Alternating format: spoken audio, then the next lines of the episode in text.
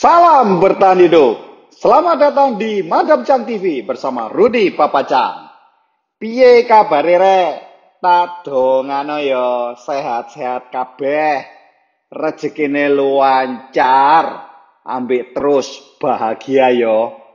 Konco-konco, dulur-dulur, ojo lali yo. Subscriben, ambek loncengi piteken. Tek tek tek tek tek tek tek tek. Oke. Mulai yang timbul dan segala macam itu mau kita ngomong bersih-bersih, mau kita yang ngomong tempat kita protokol menjalankan protokol kesehatan dan segala macam. Tapi kita nggak bisa paksa orang untuk keluar rumah sampai terkena Padahal kan sebetulnya gini loh ya, saling saling mempengaruhi. Artinya, Duh, pengunjung kas- apa itu customer juga takut, tapi sesungguhnya yang kerjanya kan juga takut gitu loh Iya, ya. betul. Eh, tapi sebelumnya mungkin saya boleh tanya sama Kak Rudi, jadi Kak Rudi nggak pernah ke salon? Eh, oh saya dulu tuh rambutnya panjang. saya dulu pernah punya rambut Kan? dan pernah ganteng.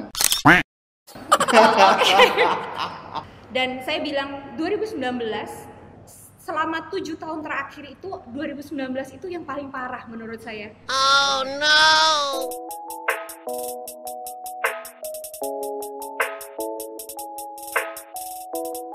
Oke. Saya merasa juga pandemi itu kita butuh teman. Ya. Ya, saya bersyukur punya Mama Cam yang bisa diajak ngobrol. Siapa yang diajak ngobrol?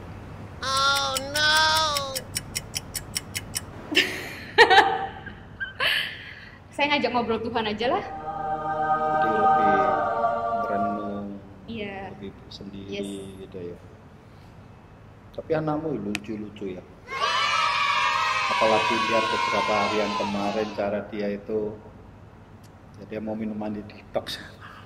aku sampai lihat sama Mama Cang aduh ini kayak aku mau dikasihin dikasih Mama Cang bilang oke kamu boleh nyelam setiap hari for the next one month. cute itu ya. Jadi kadang-kadang kalau susah lihat anak gitu, mereka tahu nggak sih kalau dalam mamanya sekarang lagi bisnisnya susah, keadaan lagi Tahu. susah. Karena saya adalah tipe orang tua yang ke karena mungkin ya dari awal saya seorang single mom dan saya juga tipe orang yang dari kecil anak-anak saya itu saya perlakukan seperti orang dewasa. Jadi eh, saya misalnya bilang, "Mami tuh capek." Karena kan di rumah juga eh, puji Tuhan dua tahun terakhir ini saya udah punya rumah sendiri. Ya, saya punya tempat tinggal sendiri dan di rumah itu eh, hanya saya dan anak-anak tiga, nggak ada pembantu.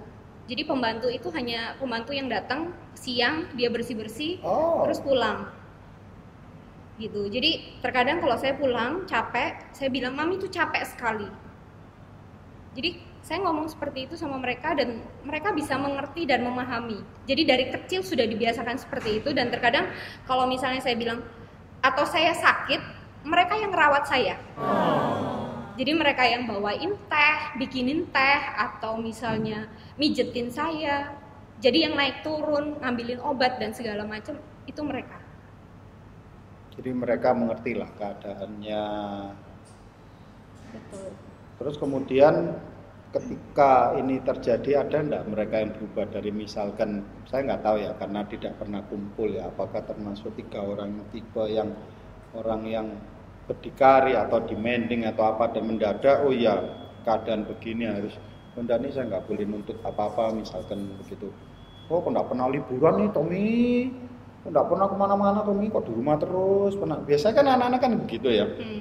Kalau di di zaman sebelum pandemi itu, Dede kok di rumah terus ya Dede gitu loh. Nah sekarang kan nggak bisa karena mereka mungkin tahu gitu. Apa anak-anak ini tahu nggak kenapa nggak boleh keluar rumah?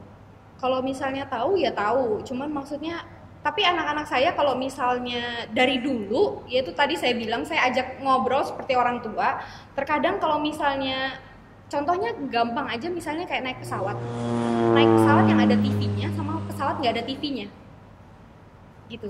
Jadi terkadang eh, mau naik pesawat pasti akan nanya. Misalnya mau traveling pasti akan tanya, "Mami pesawatnya ada TV-nya nggak?" saya cuma jawab. Jadi mungkin saya jawabannya akan terlihat ketus, tapi dari situ sebenarnya saya ngajarin eh, mencoba mengajarkan banyak hal sama mereka. Jadi saya cuma bilang masih bagus masih bisa naik pesawat nggak usah ditanya pesawatnya ada TV-nya apa enggak gitu jadi kadang saya ngomong misalnya kamu tanya deh sama mbak misalnya mbak yang di rumah sama mbak ini pernah nggak dia naik pesawat?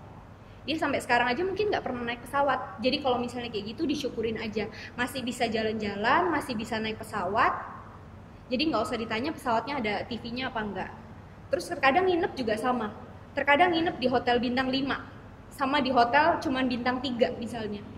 Mereka nggak pernah komplain yang misalnya kok hotelnya jelek sih mami atau terus habis saya ngajak di hotel bintang 5 terus besoknya nggak mau nginep yang di hotel jelek nggak pernah juga. Jadi memang udah udah udah biasa aja gitu. Jadi kalau uh, tahu pandemi ya ya udah. Kayak yang paling kecil kayak yang Aime paling kecil. Setiap minggu hampir setiap minggu dia pasti akan ngomong mami meme pengen sekali pergi ke Jepang. Nanti kalau misalnya uh, virusnya udah hilang kita pergi ke Jepang ya mami padahal September ini sebenarnya saya punya tiket ke Jepang dan saya udah ya jadi September ini saya udah beli tiket uh, buat pergi ke Jepang sama mereka. Dan saya tipe orang yang biasanya sama anak-anak nggak pernah ngomong. Oh, iya, jadi bener-bener karena selain surprise, terkadang anak-anak apalagi cewek tiga ya Korudi, kan ngomong terus tuh kadang. Jadi kalau udah ngomong ngomong terus ditanya terus dan ya thanks God saya nggak perlu ngomong sama mereka jadi mereka juga nggak tahu dan mereka juga nggak kecewa. Nanti ngomong terus belum berangkat sudah nek Jepang. Ya ya itu terus kadang pengen ke Bali gitu. Uh, mami eh pengen ke Bali terus lihat misalnya di Instagram orang di Bali di pantai. Oh I want go to Bali. Aduh enak sekali pergi ke Bali begini begini begini. Tapi saya nggak pernah komen yang sampai pernah saya tulis barusan uh, jadi saya punya teman. Misalnya uh, anak saya ini tahu teman saya ini. Terus teman saya ini barusan upload foto oh di up waktu di, pandemi ini? Iya barusan ini minggu lalu teman saya lagi ke Bali. Padahal teman saya fotonya nggak di pantai Korudi jadi kayak foto belakangnya kayak sawah-sawah gitu. Anak saya tanya lo mami ini lagi di mana? Saya tahu teman saya di Bali. Saya cuma bilang nggak tahu. Udah. Kan Jombang ini villa mewah. Mepet sawah. Villa mewah mepet sawah. Jadi ya ya udah saya gituin aja. Maksudnya daripada uh, dia juga sakit hati. Maksudnya dia dia saya tahu anak-anak tuh kepengen sekali pergi ke Bali. Cuman ya pasti mereka mereka bisa memahami gitu loh. Kenapa? jangan kan anak-anak papa kan juga pengen banget. Yeah. Well, kalau bicara tadi mention you are single parent. Berat nggak jadi single parent? Apalagi di masa-masa yang super super berat begitu. Kalau ditanya berat ya berat. Tapi sejauh saya uh, yang saya pelajari dalam dalam hidup ini nggak masalah kalau misalnya saya sendiri asalkan saya enjoy, saya menikmati daripada harus sama orang lain. Tapi saya nggak happy. Ya karena kamu bisa bilang begini, I'm sorry karena kamu pintar cari duit mungkin ya. Ini akan beda loh mungkin ya, bener nggak ya? Ya bener. Kamu berani bilang begini kalau kamu nggak ngerti duit. Maka itu tadi saya tanya di opening I'm sorry ya. 19 tahun ngerti duit, you independent. Oh jangankan ngomong independen. Ini kalau nyetir mobil itu jalannya 325 km per second. sampai ada time keepingnya berangkat segini pulang segini ya nyetir mobil aja Wih. ya akan beda mungkin kalau kamu nggak bisa cari duit nggak bisa ngomong seperti ini benar ya that's why mungkin Tuhan menciptakan saya seperti ini yang tough karena banyak orang di luar sana apa pun ketidakadilan yang dialami dia tidak berani menyuarakan karena saat, karena saya tahu satu suara aja saya risk saya nggak bisa makan gitu loh mungkin ya. Maka itu maka itu saya sering ngajarin termasuk ter, anak saya sendiri saya ini kan punya anak cewek ya. Selalu saya ajarin begini, does not matter siapa jodohmu. Kamu harus pinter cari duit. Wanita itu harus pinter cari duit. Does not matter karena apa pun yang terjadi belanja pakai uang sendiri itu lebih bagus daripada dibelikan dikasih miliatan tetapi itu barang pembelian. Saya mulai kecil ngajarin dia seperti itu. Terlepas dari financialnya kan kamu strong. Tapi kan kadang-kadang orang hidup ini kan butuh teman untuk ngobrol, untuk apa gitu ya. Seperti tadi saya ngomong. Saya merasa juga dekat sama anak-anak, sama istri saya ketika pandemi ini terjadi karena wah, saya tuh I'm, I'm, I'm in very bad shape gitu loh di di Maret itu, Hmm. di Maret itu. Tapi beruntung masih ada yang saya ajak ngomong, ya tahu saya punya tim staff-staff yang luar biasa Iya. gitu. Kadang-kadang saya kalau mikirin staff saya itu yang menjadi strength saya itu bukan cuma keluarga saya, tetapi staff-staff saya. Saya nggak boleh mati nih, saya nggak boleh menyerah ini. Iya. Saya punya banyak sekali orang di belakang saya. Kalau saya mati, ya apa mereka? Biarpun misalkan saya mati pun mereka tetap bisa tetap bisa hidup gitu loh ya. So ayo. Kadang-kadang orang itu butuh untuk didengar gitu ya. Em, kalau misalnya teman ngobrol pasti ada. Ya teman ngobrol ya memang tapi saya tipe orang yang juga pilih-pilih temen dan saya orangnya nggak gampang bersosialisasi. Itu satu. Jadi terkadang eh, gimana ya? Jadi kalau misalnya temen ngobrol udah ada pasti. Pasti ada teman ngobrol yang memang eh, yang tempat keluh kesah yang mungkin juga sudah mengerti saya harus gimana harus mengambil langkah yang seperti apa gitu. Cuman saya bukan tipe orang yang em, punya grup besar yang saya begini begitu apa segala macam karena saya benar-benar orangnya pemilih kok Rudi dan saya orangnya terkadang nggak mau tahu urusan orang ya saya nggak mau jadi kayak kalau ka- kita di grup besar yang oh yang bisa rumpi ke sana kemari apa segala macam saya nggak suka tapi kalau misalnya teman-teman ya ada cuman maksudnya nggak bukan deket bukan teman-teman yang deket jadi untuk sharing yang ini dan itu segala macam karena menurut saya terkadang kalau misalnya kita menceritakan suatu hal pada teman terkadang itu nggak menyelesaikan masalah Exactly, sangat setuju. Iya. 1000%. Belum tentu bisa memberikan solusi. Iya. Andai kata solusi belum tentu benar, belum karuan juga apa yang menjadi apa pembicaraan kita solusi nggak dapat satu dunia sudah tahu mas. ya ya begitu jadi saya tipe orang yang makanya mungkin di luaran juga saya terkenal itu mungkin karena mukanya ya mukanya dibilang judes jadi saya tuh terkenal Tolong di zoom. Itu judes. Enggak kan ya? di zoom oke judes nggak apa-apa tapi nggak apa-apa maksudnya saya lebih seneng kalau misalnya orang eh, melihat Judes saya sama taf itu beda nggak ya? Beda ya. nggak jadi eh, orang lihat saya itu sampai semua orang tahu Tapi judes itu hanya untuk perempuan ya? Papa Cang ini judes nggak ya? cute Ya, papa cute papa cam cute. ya. Ya, jadi tapi semakin ke sini, eh, jadi kayak ada klien-klien saya yang mungkin dulu cuma sebatas klien, terus sekarang juga lumayan deket gitu. Maksudnya kita sering ngobrol dan segala macam. Mereka itu juga ngomong, gila Cici itu aslinya buaya pol ya, gini gini gini. Dan saya ngelihat akhirnya, oh oke, mungkin Tuhan memang menciptakan saya seperti ini dengan eh, tampilan yang seperti ini, biar nggak semua orang tuh bisa mendekati saya. Jadi jadi nggak semua orang bisa deket sama saya karena Dimulai akhirnya dulu kamu sudah menjalankan social distancing ya. ya jadi maksudnya jadi saya berpikir eh, oh ya mungkin kalau jadinya semua orang tahu kalau misalnya saya tuh sebenarnya nggak seperti itu mungkin akhirnya nanti lama-lama lama kelamaan saya cuma dimanfaatin orang aja Ya memang hidup itu tidak mudah. Seriously tidak mudah. Kadang-kadang kadang-kadang saya ini pun juga butuh teman untuk discuss, counter partner untuk ngomong aja untuk mengenai bisnis. What you think about business like this gitu loh ya. Kadang-kadang juga kita menganggap dia itu, oh ini perlu saya dengar ini insight-nya. Tapi ketika dia ngomong, kok tidak masuk akal baru tahu ketika oh jadi tak kadang-kadang dengan keadaannya sekarang ini banyak saya melihat orang yang dulu tak anggap pinter ternyata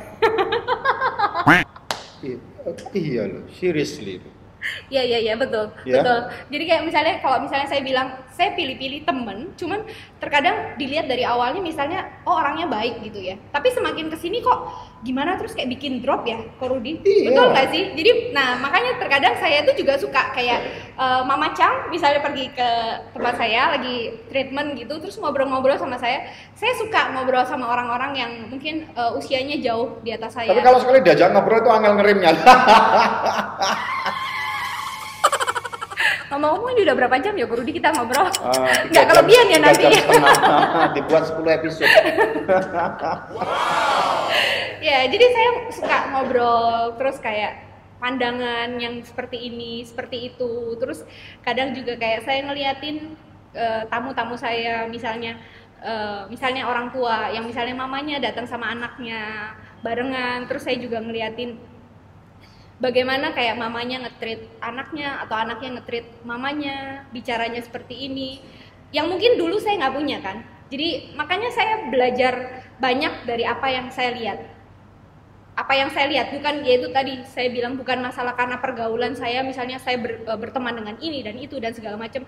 Malah terkadang di zaman yang seperti ini saya nggak suka terlalu banyak bergaul sama orang apalagi yang istilahnya yang saya saya juga punya banyak teman yang public figure yang aslinya juga sebenarnya mungkin saya bisa lihat kan aslinya seperti apa tahu sebenarnya kehidupannya seperti apa mungkin berbeda dengan yang di Ya, sosial karena media kalau dan dilihat segala sosial media aja ya bisa Ya. kehidupannya semu ya. Ya betul. Jadi makanya itu tadi eh, terkadang saya belajarnya dari situ sih. Bu- jadi bukan karena pergaulan dan bukan karena sosialisasi bisa teman sama ini ini ini. ini. Kenal mungkin iya, tapi saya nggak nggak mau mencoba dekat karena saya nggak mau tahu urusan orang juga daripada itu membebani hidup saya. Karena saya bilang beban hidup saya sudah cukup besar, jadi nggak perlu tahu urusan orang lagi. Kalau Gitu. boleh nih sebagai penutup, Ya, anak-anak tahu you are single mom. Tahu dong. Tahu, tahu, tahu. Karena eh jadi kalau saya bilang, saya boleh jujur, em, saya bukan dari keluarga broken home. Sedangkan anak-anak saya dari keluarga yang broken home. Tapi jadi saya bilang bukan orang broken, bukan kalau misalnya keluarga tidak broken home, belum tentu bahagia. Belum tentu bahagia. Karena saya bisa melihat orang tua saya seperti apa ya eh, papa saya gimana mama saya gimana misalnya seperti itu. Itu yang memberikan dampak dan efek ke anak-anak itu tadi yang saya bilang Eh, walaupun saya sudah gagal dalam menjalani mungkin rumah tangga dan akhirnya eh, membuat saya jadi single parents sebenarnya saya juga nggak berharap seperti ini. Tapi saya mencoba membuat anak-anak itu bisa nerima dan mereka bisa ngeliat tetap eh, happy dan mereka nggak malu. Itu. Jadi saya nunjukin ke ke mereka kalau eh, mamanya bisa cari uang sendiri eh, mamanya juga bisa mengajarkan hal yang baik ke mereka. Saya sendiri juga nggak pernah menjelek-jelekan eh, papa mereka pamannya mereka ke mereka. Jadi kalau walaupun saya mungkin ada rasa jengkel atau gimana cuman saya berpikir saya nggak mau ngelakuin hal itu karena saya bilang bagaimanapun itu juga orang tuanya mereka Iya, iya. sendiri. Jadi terkadang membuat mereka kan sakit hati jadinya terus membuat mereka bingung. Tapi yang intinya saya bilang nggak ada masalah sih. Jadi benar-benar dari dari kecil mereka juga nggak ada masalah dan waktu di sekolah pun kadang kalau misalnya mereka baru naik kelas jadi gurunya baru terkadang saya ketemu sama gurunya dan saya jelasin ke gurunya eh, saya seorang single parents dan tolong hati-hati kalau bicara sama anak saya apalagi kalau misalnya dalam masalah kayak pelajaran masalah family atau seperti apa. Jadi bisa tolong dimengerti gitu dan terkadang gurunya kadang saya ke sekolah ketemu gurunya gurunya juga bilang nggak nggak ada masalah anak-anak ini juga tetap bisa percaya diri anak-anak ini juga nggak merasa maksudnya eh, mereka itu eh, keluarganya kurang atau kayak gimana.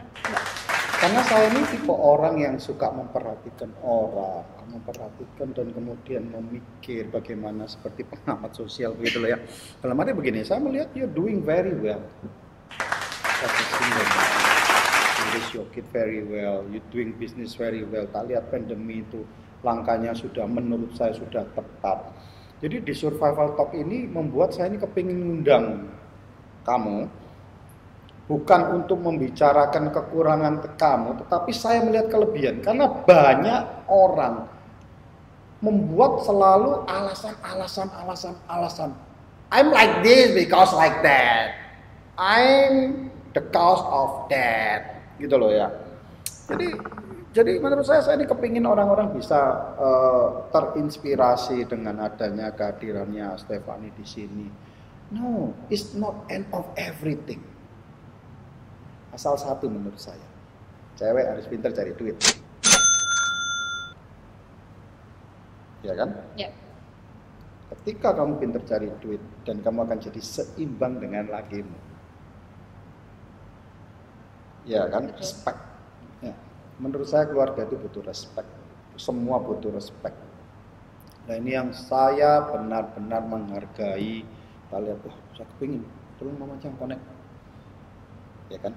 bukan untuk apa-apa tetapi semoga bisa menjadi inspirasi bahwa jadi wanita itu harus strong apa pun keadaannya bukan mencari-cari alasan oh, justifikasi atau pembenaran begitu ya well orang disuruh ya mengerti aku mengerti ya orang ngerti tidak ngerti ya you are ya you are gitu loh statesmu does not change keadaanmu gitu loh dengan yeah. orang mengerti kamu cara berpikirnya saya kadang-kadang juga sama saya tuh tidak butuh orang memamit saya.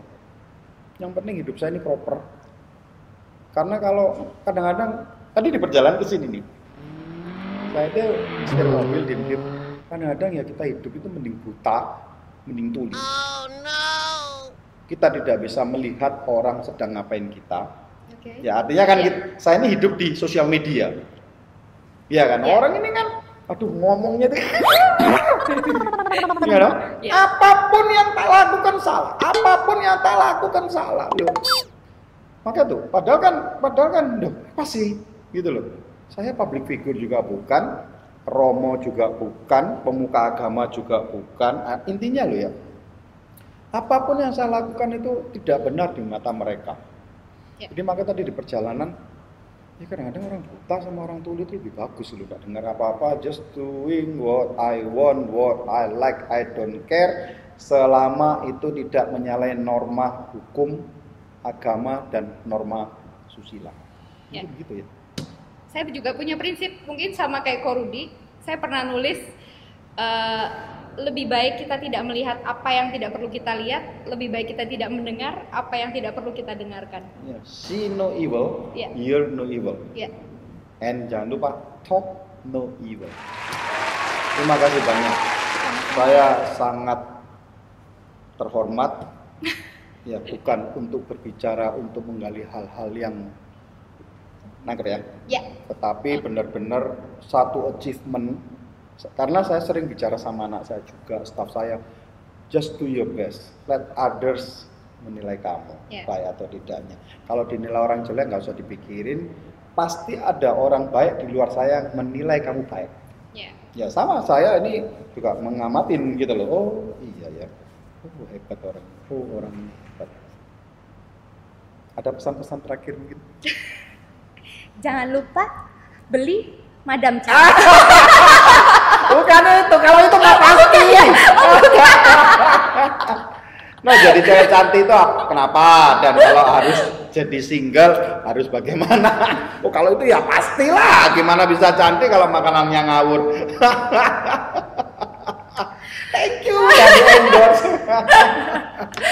Pesannya cuma satu. Ibu-ibu di luar sana.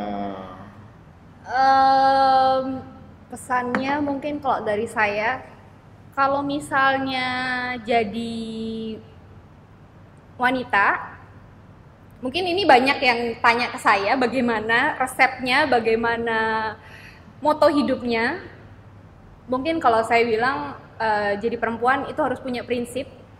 Jadi uh, jadi ibu juga sama seperti yang saya bilang pernah saya bicarain kalau misalnya gimana cara ngedidik anak-anak sih kalau bisa sampai anak-anaknya tiga-tiganya bisa mandiri, bisa pinter-pinter dan segala macam. Balik lagi uh, kita itu adalah ibunya, jadi kita yang punya aturan, bukan mereka yang punya aturan. Jadi semua itu aturan ada di tangan kita dan mereka harus bisa mengikuti aturan kita. Bukan berarti kita jadi ibu yang seenaknya, bukan berarti kita jadi orang tua yang semena-mena sama mereka, tapi mereka harus bisa menghargai kita. Makanya that's why mungkin hari ini anak-anak saya itu jadi anak-anak yang luar biasa. Uh, jadi kalau misalnya ya, jadi kalau misalnya mereka even mau sekolah bangun pagi mereka bisa ngurusin diri mereka sendiri mereka urusin makanan-makanan mereka sendiri. Even terkadang korudi saya masih tidur. So sweet. Ya mungkin jadi mungkin kalau hari ini mungkin mereka anak-anak lihatnya mungkin orang-orang lain melihatnya adalah ibunya nggak tanggung jawab banget sih gitu. Cuman itu yang dari kecil saya ajarkan ke mereka yang akhirnya mungkin sekarang saya Kamu jawab apa? Kamu jawab gini dong. Iya, maminya kurang tanggung jawab aja anaknya seperti ini. Kalau saya tanggung jawab bagaimana?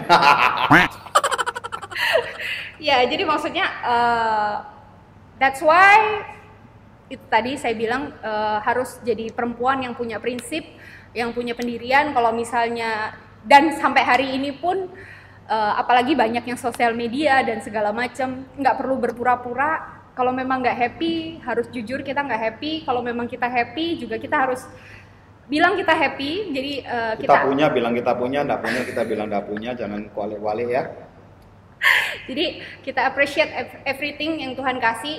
Uh, terus juga di masa pandemi ini tetap bersyukur uh, kalau misalnya hari ini juga masih hidup besok masih dikasih hidup sama Tuhan masih dikasih nafas masih dikasih rejeki jangan lupa bagi-bagi sama yang lain Ya, udah itu aja dan jangan lupa pesan Madam Chang. Terima kasih banyak.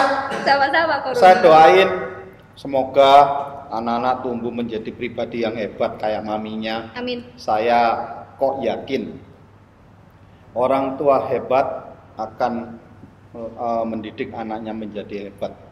Amin orang tua yang baik akan mendidik anaknya menjadi lebih baik dari dirinya. Semoga bisnisnya kembali lagi dan orang ada percaya dan kapan-kapan kalau sudah membuka divisi baru Greenbud buat orang kota, jangan jangan lupa dan saya juga akan mati-matian endorse karena adalah salon pertama yang mau menggreenbud orang kota. Terima kasih, sukses, sehat-sehat selalu. Hati-hati kalau nyetir jangan ngebut-ngebut. Terima kasih juga Ko Rudi buat kesempatannya, undangannya buat ke sini. Makasih banyak. Saya okay. juga ngerasa happy dan ngerasa terhormat banget boleh diundang di acaranya Ko Rudi. Oke, okay. salam bertahan hidup. Jangan lupa ikutin terus ini Survival Talk TV. Banyak orang-orang yang akan memberikan banyak inspirasi. Sampai ketemu, salam bertahan hidup.